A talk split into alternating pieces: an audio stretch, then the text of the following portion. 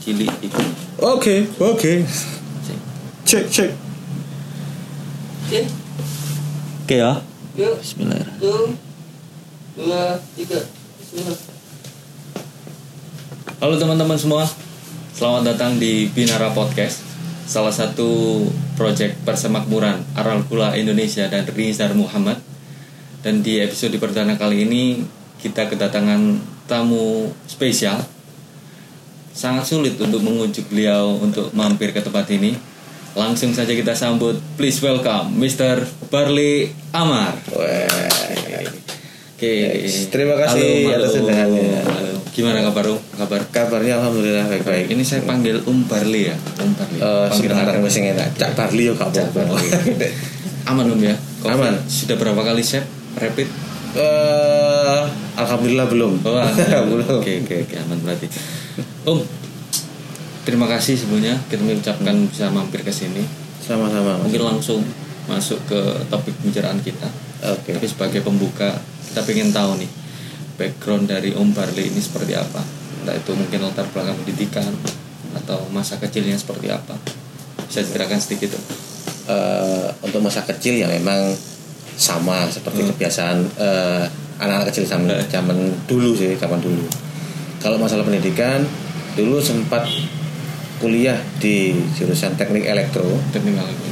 tapi nggak sampai lulus. Nggak sampai lulus. Nggak sampai lulus, sampai semester 7 karena memang ngerasa bukan Passion. passion saya di situ. Yes, yes, yes, yes. Akhirnya saya ambil kuliah lagi di diploma 2 jurusan desain multimedia. Desain multimedia. Jadi desain grafis tapi arahnya ke berbagai media. Seperti itu sih.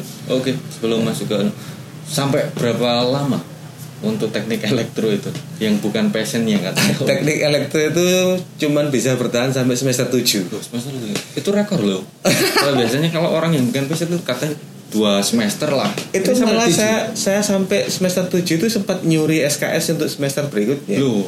Jadi Iya. ambil kuliah semester 9 Iya, iya, gitu. iya, iya. Itu tahun berapa om? Waktu di teknik elektro Teknik elektro terakhir saat kuliah tahun 95 95 95. Akhirnya lanjut ke Akhirnya sempat nganggur 2 tahun Nganggur dua tahun. Dua tahun, terus lanjut ke eh, D2 multimedia tadi Desain multimedia Stikom Iya. Di Stikom Itu tahun berapa masuk ke Stikom? Masuk di Stikom, Stikom 1998 98 Iya. 98 Itu internet belum masuk kan waktu itu? Atau sudah masuk tapi sudah ad- masif seperti eh, sekarang?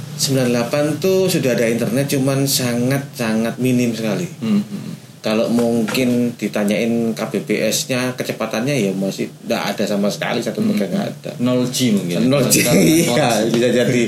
Masih eh, saya setelah lulus kuliah juga masih pakai Telkomnet instan Bu. Oke oke tahun 2000. Masih tahun 2000. Oke siap siap Berarti sempat ke elektro dulu Baru akhirnya menemukan jati dirinya kembali di Stikom Istiqom dia Tapi gimana rasanya om? Kok bisa om bisa menempuh selama 7 semester itu? Kok bisa sampai 7 semester sebenarnya kan tinggal di ujung. Kenapa kok nggak menyelesaikan sekalian terus Eh. kemudian masuk lagi? Nah, Dulu itu salah satu alasan kenapa saya ambil elektro karena memang arahan dari almarhum eh, ayah saya yang kasih saya semangat juga untuk ngambil jurusan elektro juga almarhum ayah saya.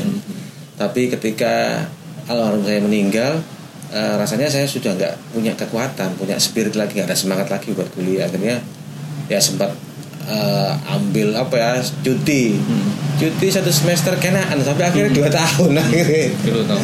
akhirnya just selama dua tahun itu ditagih sama ibu saya tahun ini kamu katanya kuliah lagi Hmm.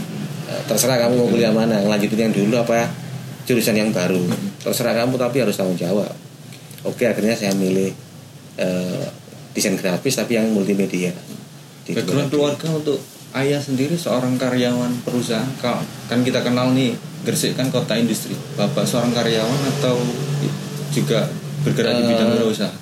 kalau ayah saya almarhum saya full wira swasta Full bidang swasta. dari dari berbagai macam wira swasta sudah pernah dijalanin dari mulai industri songkok pernah industri tas sekolah pernah dan terakhir adalah industri yang sangat berpengaruh ke saya Hmm.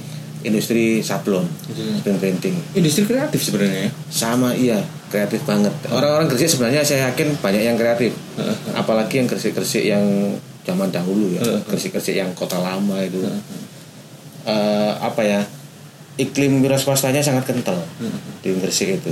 Jadi ketertarikan di dunia desain sebenarnya secara tidak langsung Om tumbuh dari lingkungan keluarga itu sendiri. Betul, betul. Karena dari SD itu saya sudah bisa sudah bantuin almarhum saya untuk sablon, Hmm, hmm. bikin film, bikin filmnya Tahun berapa? klise. Di tahun berapa itu? Klise itu tahun 1984 sampai 1986 lah.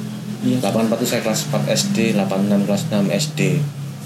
Oh, Itu saya masih manual banget. sebenarnya. masih manual banget tidak ada komputer dan saya memang gambar manual banget Hmm, gitu. hmm, hmm. Kalau mungkin orang dulu kenal dengan rugo, Iya, iya, seret raset yang huruf gosok Iya, istilahnya rugo itu. nah, stiker gosok kalau Ya, nggak stiker salah. gosok seperti itu. Oh, fashionable. Oke. Lima menit iki. KC, KC. Klub iki lima menit. sebenarnya gaya PR itu anu ya Maksudnya? Iya. tapi